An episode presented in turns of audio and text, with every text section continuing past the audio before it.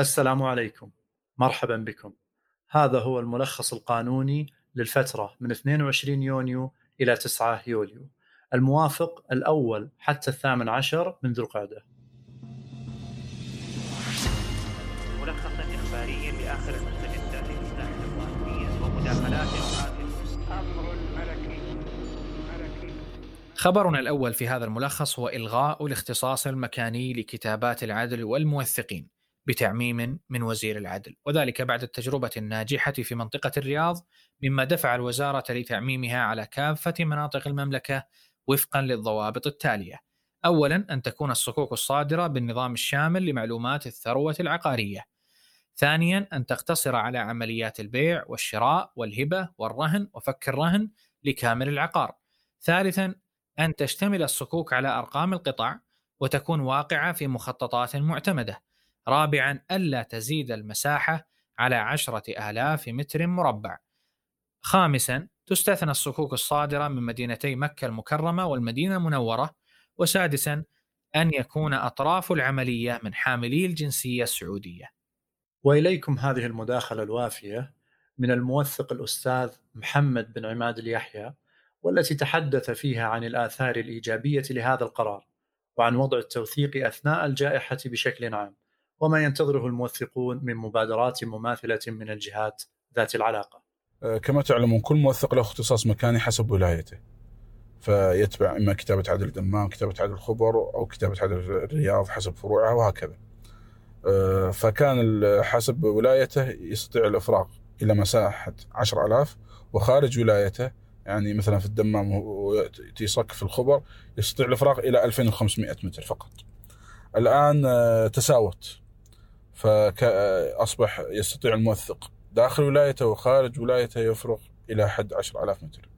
هذا ال- القرار سيساهم بشكل كبير في تيسير تسريع عمليات الإفراغ في المناطق بشكل عام فلو أراد الإنسان أن يفرغ في هو في الرياض يريد أن يفرغ في الدمام أو العكس فستسهل على العقارين هذه المعاملات بشكل جيد وبشكل سهل وبسهولة ويسر.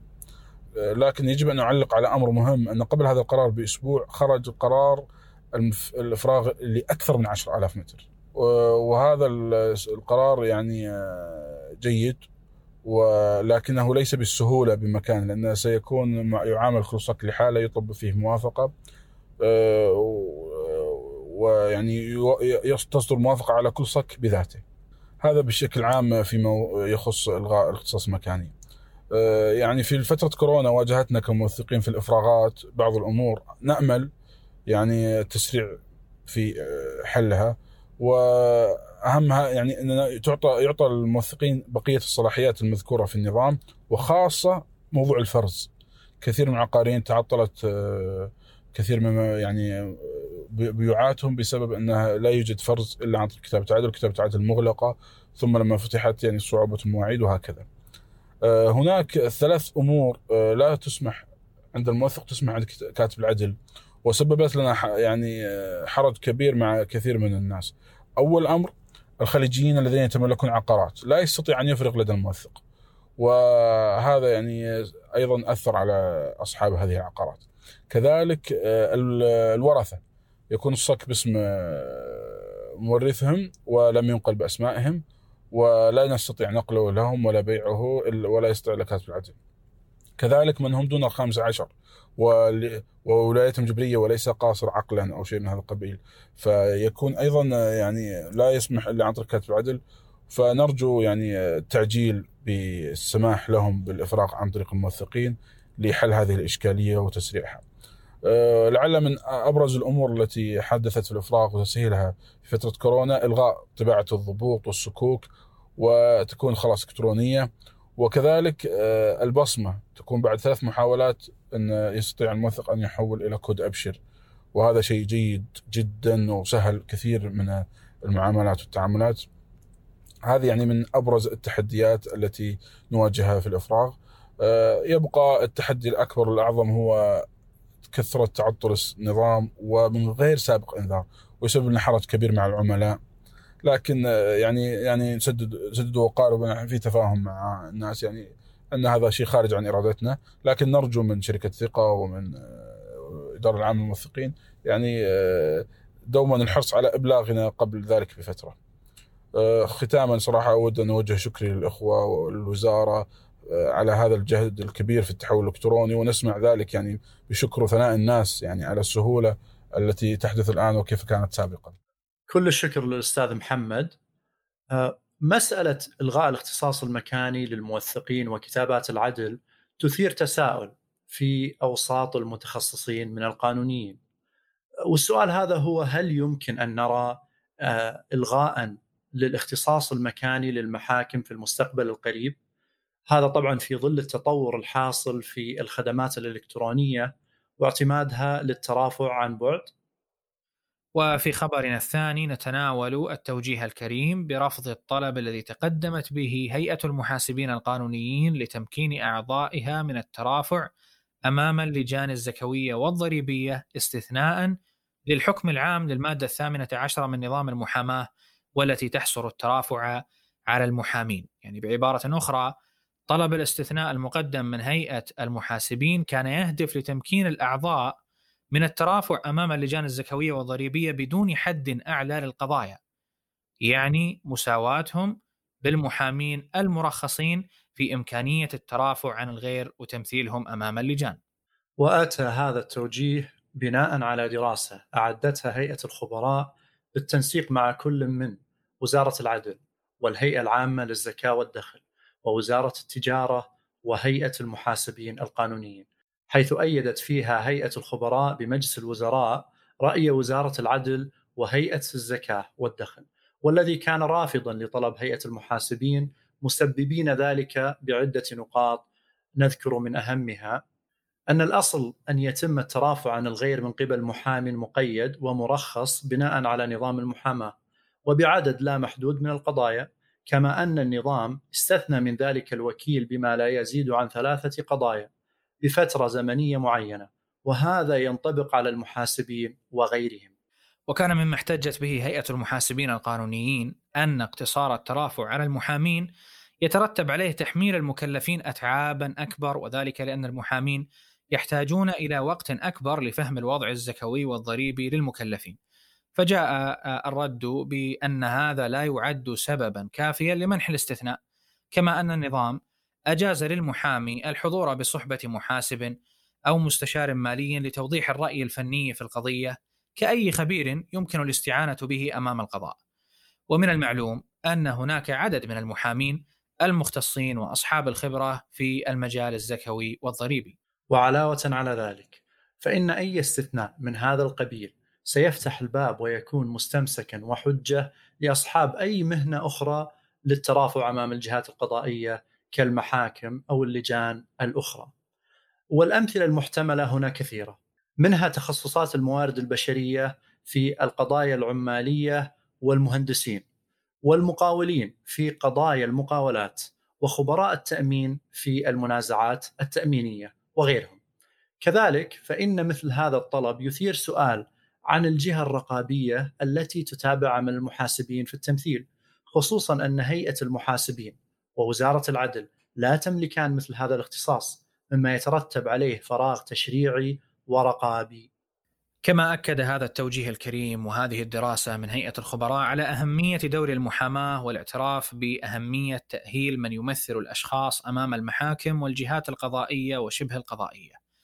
يذكر أن موقف الهيئة العامة للزكاة والدخل يطابق موقفها السابق آه، في ردها على هيئة المحاسبين والذي استندت فيه على خطاب موجه لها من الهيئة السعودية للمحامين على إثر تحول اللجان الزكوية والضريبية إلى لجان قضائية بموجب المرسوم الملكي الصادر عام 1438 وتشكيل لجنة استئنافية لها.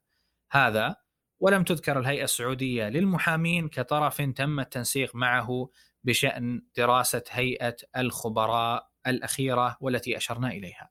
أما الخبر الثالث وهو من المصادفات التي تزامنت مع إعدادنا لهذا الملخص وبعد مداخلة ضيفنا الكريم آه، صدور موافقة مجلس الوزراء بجلسته المنعقدة يوم الثلاثاء الموافق 16 ذو القعدة 1441 على نظام التوثيق وهو النظام الذي ينظم مسائل التوثيق بشكل عام سواء كانت من كتابات العدل أو الموثقين المرخصين أو مأذوني الأنكحة حيث نقلت إليهم عدة اختصاصات كانت لدى المحاكم وهي ما تسمى بالإنهاءات. وقد علق وزير العدل على هذا القرار بأن نظام التوثيق سيعزز الأمن العقاري مما سيرفع كفاءة التوثيق العدلي وموثوقية الوثائق الصادرة من المخول لهم بإجراء عملية التوثيق. وكان مما قال أيضا أنه آه، سيشمل الشروط اللازمة آه، أو اللازم توفرها فيهم ويحدد اختصاصاتهم وإجراءات عملهم ومراقبة مخرجاتهم وعقوبات المخالفين منهم. كما بين الوزير أن نظام التوثيق نقل بعض الاختصاصات الجديدة من المحاكم إلى كتابات العدل مثل توثيق الزواج والطلاق وتوثيق اتفاق ذوي الشأن على الحضانة أو النفقة أو الزيارة والصلح وغير ذلك من الموضوعات. مما يسهم في عدم إشغال القضاء بمهام ليس فيها عنصر المنازعة حيث إن مهمة المحاكم هي الفصل في المنازعات حسب النظام الأساسي للحكم. وفي خبرنا الرابع نتناول آه، قرار وزير العدل بالموافقة على اللائحة التنفيذية لنظام المحاكم التجارية. آه، وتعتبر اللائحة نقلة نوعية أضافت الكثير من الأحكام ووسائل الإثبات التي أثارت نقاشات لا يمكن تغطيتها في هذا الملخص المختصر.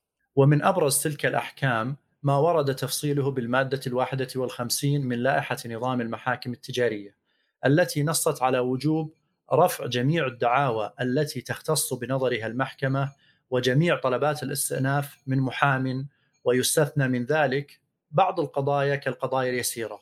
وفي كل الأحوال يجب أن يكون طلب نقد الحكم. وإعادة الالتماس مرفوعا من قبل محام. ومن الإشكالات التي دار حولها النقاش القانوني هو ما يراه البعض تعارضا بين النظام واللائحة وتحديدا إحنا نتكلم هنا عن المادة 16 من النظام والمادة 31 من اللائحة. نجد أن الفقرة الثانية من المادة السادسة عشرة من النظام نصت على أن المحاكم التجارية تختص متى كانت قيمة المطالبة في الدعوة تزيد عن مئة ألف ريال. وللمجلس اللي هو المجلس الأعلى للقضاء عند الاقتضاء زيادة هذه القيمة. بينما جاءت اللائحة الآن في المادة الواحدة والثلاثين وزادت القيمة إلى 500 ألف ريال. فأشار البعض إلى أن اللائحة صادرة من الوزير وليست آه، صادرة بقرار من المجلس الأعلى.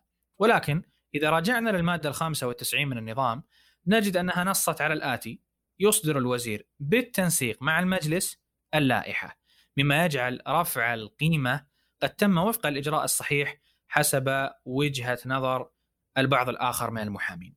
وفي خبرنا الخامس والأخير قرر مجلس إدارة الهيئة العامة لعقارات الدولة اعتماد لائحة التصرف في عقارات الدولة والتي صدرت في 73 مادة تشمل التعريف بعقارات الدولة وإجراءات التخصيص وآلية التأجير والاستثمار وتنظيم التصرف بعقارات الدولة من بيع ومعاوضة وأحكامها العامة.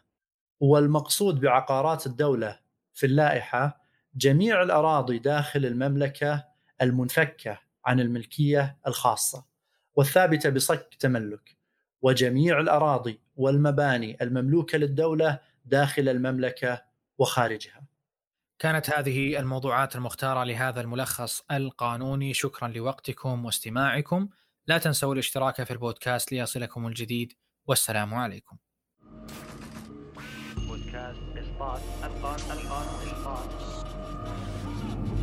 تقديم جرعة صوتية محكوم!